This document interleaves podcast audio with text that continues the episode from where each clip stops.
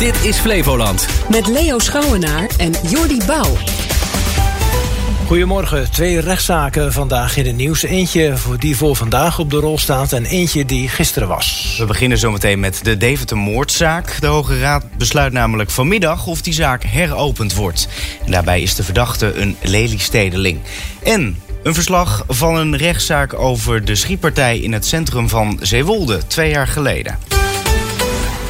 De Hoge Raad besluit vanmiddag of de Deventer-moordzaak heropend wordt. Je weet het misschien nog wel, in die zaak werd Lely Stedering en Slauwers veroordeeld tot 12 jaar gevangenisstraf voor de moord op de weduwe Wittenberg in Deventer. Dat was in 1999. De vrouw werd in haar huis in Deventer door wurging en messteken om het leven gebracht.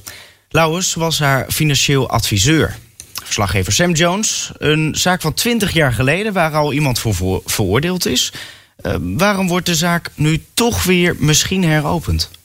Nou, de advocaat van Lauwers, dat is Geert-Jan Knoops, die pleit voor heropening van de zaak. Hij vindt namelijk dat forensische rechercheurs van het cold case team hun verhaal nog moeten doen. Dus dat ze gehoord moeten worden. En Knoops vindt dat Lauwers, die zijn straf al heeft uitgezeten, eigenlijk vrijgesproken had moeten worden. Hm, Oké, maar goed, er zijn al onderzoeken gedaan in deze Deventer-moordzaak. Met welk nieuw bewijs zeggen die uh, forensische rechercheurs van het cold case team te komen? Twee dingen zijn belangrijk. Lauwers die werd na de moord op weduwe Wittenberg, trouwens een moord die hij altijd ontkend heeft, hij werd veroordeeld omdat de DNA van hem op de blouse van de mevrouw gevonden was. Maar volgens advocaat Knoops klopt dat niet. Uit dat onderzoek, het onderzoek van die forensische rechercheurs, zou namelijk blijken dat er onzorgvuldig met de blouse is omgegaan. En het tweede is dat Loos altijd heeft gezegd dat hij op een andere plek was toen hij met zijn mobieltje met die mevrouw belde. En de onderzoekers die zeggen nu, die twee beweringen van Loos, die zouden best wel kunnen kloppen. Hmm. En op grond van die onderzoeken wil advocaat Knoops dus dat de zaak heropend wordt. Maar de advocaat-generaal zei toch deze zomer al dat er eigenlijk geen nieuwe feiten zijn? Ja, dat klopt inderdaad. De Hoge Raad die neemt over het algemeen wel het advies over van de advocaat-generaal. Maar soms wijken ze er wel vanaf. En vanmiddag neemt de Hoge Raad dus een besluit of de Deventer-moordzaak wel of niet heropend wordt. Oké, we gaan het eh, zien en horen. Verslaggever Sam Jones, dankjewel. Drie Polen stonden gisteren voor de rechter voor een poging tot moord in Zeewolde op een andere Poolse man.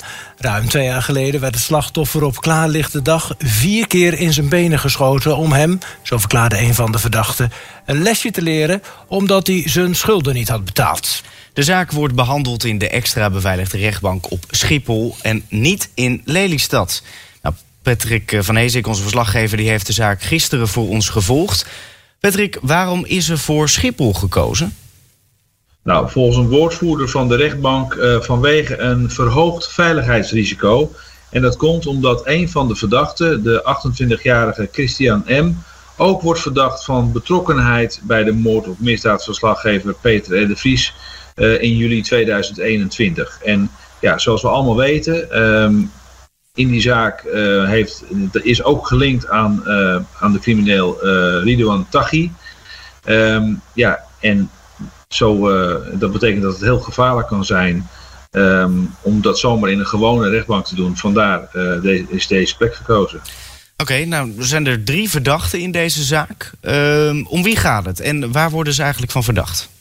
Zoals ik al even zei, Christian M. Hè, de man die ook betrokken zou zijn bij de moord op Peter de Vries. Hij zou een sturende rol hebben gehad.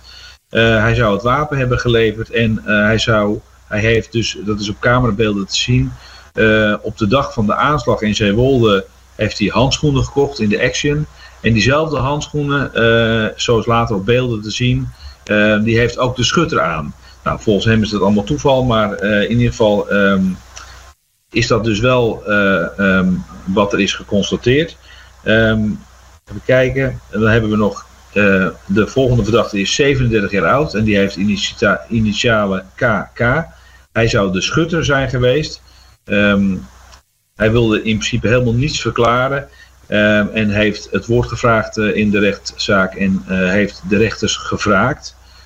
En dat wordt dus vandaag om 9 uur is die zitting over het wraken van de rechters. En dan wordt ook bekend of dat wordt gehonoreerd. En dan hebben we nog um, een 32-jarige verdachte PK. Um, en die heeft uh, wel verklaard en die heeft bekend dat hij degene is die op de dag van de aanslag de motor heeft bestuurd. En de schutter uh, in eerste instantie naar Lelystad heeft gereden. En vervolgens hebben ze daar een tijdje rondgehangen. En heeft hij de schutter naar Den Haag gebracht. Nou, dat gebeurde dus allemaal in oktober 2021. Nu, twee jaar later dus de rechtszaak. Um, gisteren is die begonnen. Hoe verliep de eerste dag? Ja, er waren dus drie verdachten. En um, ja, er werd al meteen door één verdachte dus de rechtbank uh, gevraagd. Die um, vervolgens heeft de rechter daar dus uh, heeft, uh, zijn behandeling gestaakt. En mocht hij de rechtszaal verlaten. en ja, voor de rest waren er dus nog twee verdachten over. De schutter, waar ik het net zo even over had, die ja, heeft eigenlijk zijn rol bekend. En uh, veel verklaard. Uh, ook gezegd wat hij allemaal heeft gedaan. Hij heeft ook spijt. hij zegt dat hij het heeft gedaan onder dwang. Hij zou zijn ontvoerd door criminelen die hem zo ernstig hebben bedreigd. Waardoor hij deze aanslag wel moest plegen. om zijn eigen hachie te redden. En dat heeft hij dus ook gedaan. En dan hebben we nog Christian M. de verdachte die, ja, hij ontkent alles. Hij blijft alles in alle toonaarden ontkennen dat hij er iets mee te maken heeft. Hij zegt, mijn naam zingt overal rond, hè, ook omdat ik in die zaak met Peter de Vries word genoemd. Iedereen probeert van alles op, nog wat op mij af te schuiven. Um, het is allemaal puur toeval dat ik, ik was toevallig in Zeewolde. Ik heb daar toevallig handschoenen gekocht. En ja, en dat die andere man dan toevallig ook dat soort handschoenen heeft, ja, dat, dat, daar kan hij niks aan doen. Dat is nou eenmaal zo. Uh, en hij was ook toevallig na de aanslag naar Lelystad gereden. Waar hij dus um, zijn vriend heeft ontmoet. En dat is dus de chauffeur van de motor. Um, ja, volgens hem is dat allemaal toeval. En heeft een getuige, een anonieme getuige, hem erbij gelapt. En hij zei dus ook letterlijk: ja, hij heeft een mooi verhaal verzonnen. Een slimme zet van hem. en ik sta nu schakenmat. Hmm, het was dus allemaal toeval, zegt de verdachte. Dat zei hij gisteren. Um, hoe gaat de zaak nu verder? Nou, vandaag is de tweede zittingsdag. En um, zul, zullen uh, de slachtoffers uh, aan het woord komen. En zullen ook hun persoonlijke omstandigheden worden besproken. De officier van justitie gaat haar requisitoor houden. En zal dan een strafeis neerleggen. Woensdag, de derde dag dus van deze strafzaak, zullen alle advocaten hun pleidooi houden. Uh, en dan zullen de verdachten het laatste woord krijgen. Uh, de uitspraak zal zijn uh, op 29 januari in de bunker in Osdorp. Verslaggever Patrick van Heesik, dankjewel. Wat heb je gisteravond gemist op radio en tv? In Nieuwsuur was demissionair minister van Volkshuisvesting Hugo de Jonge te gast. Hij keek toch met trots terug op wat er de afgelopen jaren op gebied van volkshuisvesting is bereikt. Volgens hem liggen we op schema om het beoogde aantal nieuwe woningen in 2030 te halen. En wel geeft hij toe dat de monitoren van lopende en toekomstige projecten nog beter kan. Wat ik er nog bij zou willen doen, is inderdaad een pijplijnmonitor van hoeveel woningen worden er nou bijvoorbeeld in juni volgend jaar gebouwd. Ja. Dat zou je eigenlijk willen weten. Hoeveel gaan er dan van start? Nou, en dat is het enige waarvan ik zeg, ja, dat zou ik er eigenlijk bij willen hebben om echt goed te kunnen sturen. Veel kritiek is er ook op de procedures. Omwonenden kunnen makkelijk naar de rechter stappen. En een uh, uitspraak laat dan lang op zich wachten. De jongen zegt dat hij bezig is met een wet om dat te veranderen. Als het gaat over die procedures. Kijk, wat we daar zien uh, is dat uh, werkelijk uh, het zo in Nederland is ingeregeld dat werkelijk iedere boze buurman in de pen klimt op het moment dat er in de achtertuin wordt gebouwd. En daardoor lijkt het alsof het recht op uitzicht belangrijker is dan het recht op het hebben van een woning. Dat heeft te maken met de procedure op procedure kunnen stapelen. Hè. Bezwaar en beroep bij het bestemmingsplan. Bezwaar en beroep en hoger beroep bij de vergunningprocedure op basis van een reeds vastgesteld bestemmingsplan.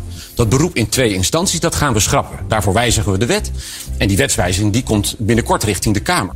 Van de televisie gaan we naar de radio. In het programma WNL Haagse Lobby ging het over migratie en of we wel zonder kunnen. Volgens Jacco Voorhof, de voorzitter van MKB Nederland, zijn er oplossingen voor de tekorten op de arbeidsmarkt.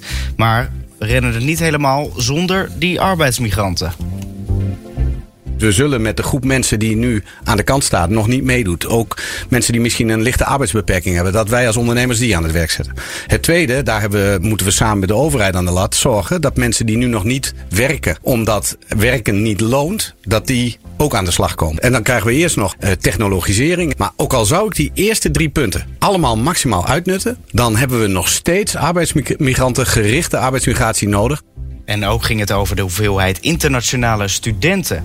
Veel partijen vinden dat dit er minder moeten worden. Zo zouden internationale studenten na hun studie weer terug naar hun thuisland moeten gaan. Volgens collegevoorzitter van Zuidhogeschool in Limburg, André Postema, klopt dit verwijt alleen niet en blijven juist veel studenten hangen in de regio waar zij studeren. En ook internationale studenten. En dat is eigenlijk ook wel heel logisch, omdat we die opleidingen zo hebben vormgegeven dat je een groot deel van je, van je onderwijs ook echt op de werkvloer doet. Dus je hebt uitgebreide stageprogramma's, werkleerprogramma's, je doet praktijkgericht onderzoek in het HBO. En dat zorgt ervoor dat je heel vroegtijdig in contact komt met, eh, met bedrijven en grote instellingen. Ja, en dat levert je vaak ook je eerste baan op. Zo werkt het gewoon. En dat was gisteren op radio en tv.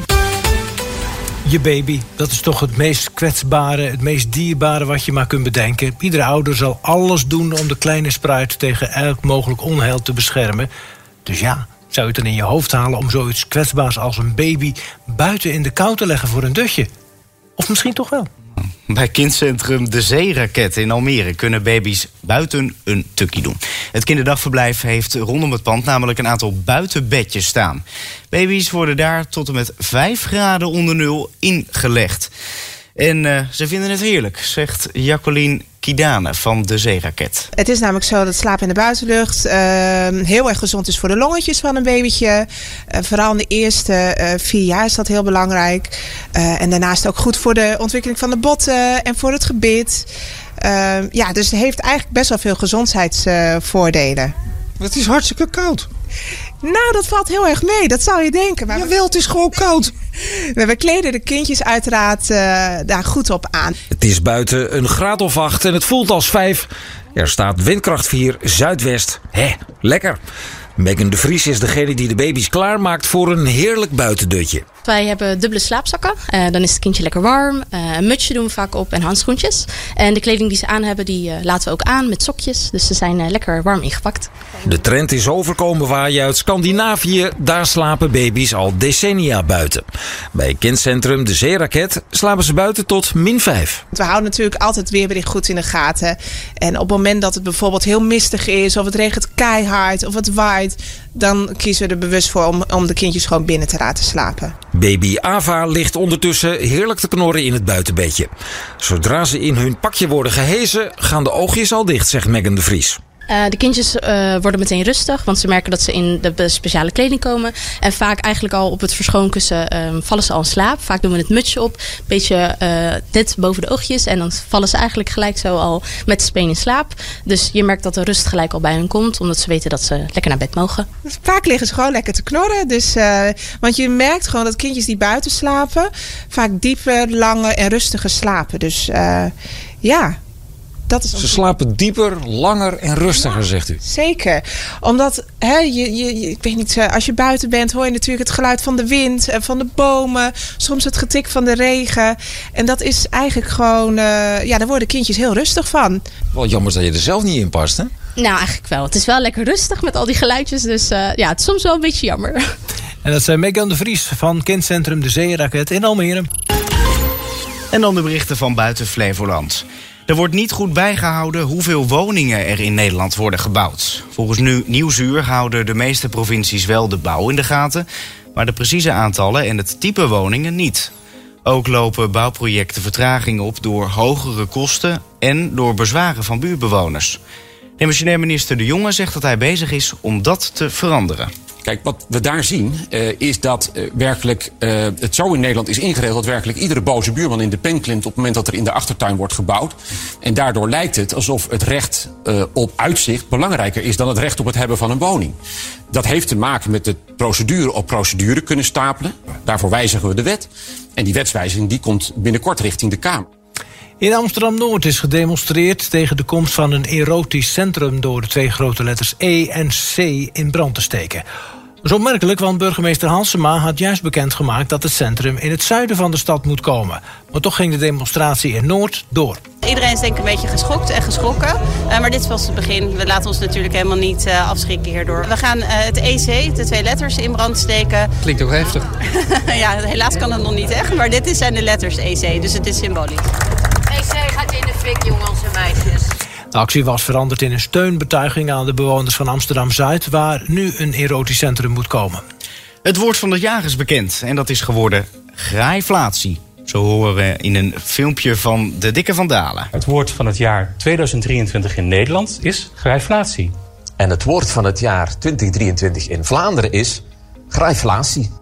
Nou, dan gaan we samen op. Ja, dat dacht ik ja. Nou, wat betekent dat nou eigenlijk, dat grijflatie? Nou, er wordt bedoeld dat ondernemers hogere kosten voor uh, grondstoffen en energie aangrijpen om hun prijzen nog wat meer te verhogen. Om zo een winst op te krikken. Ja. Grijflatie dus. Of de verpakking ook nog wat kleiner te maken. Doen ze dat ook nog? Ja. Gisteravond waren de mascottes van de voetbalclubs in Nederland in een leeg PSV-stadion. Om alvast in de kerstsfeer te komen, stond er een diner voor ze klaar op de middenstip. In totaal zaten de 26 mascottes met z'n allen aan tafel. Zag verslaggever Raymond Merks. Dat is ook precies de bedoeling natuurlijk. Kerst komt eraan. Er is natuurlijk rivaliteit op dat voetbalveld. Dat willen ze hier even opzij zetten. Alle clubs die kunnen hier gewoon samen eten. Je kunt als PSV gewoon naast AZ gaan zitten en gewoon naast Willem II. Je hebt natuurlijk de rivaliteit op het veld. Uh, en in deze decembermaand willen we dat toch samenbrengen.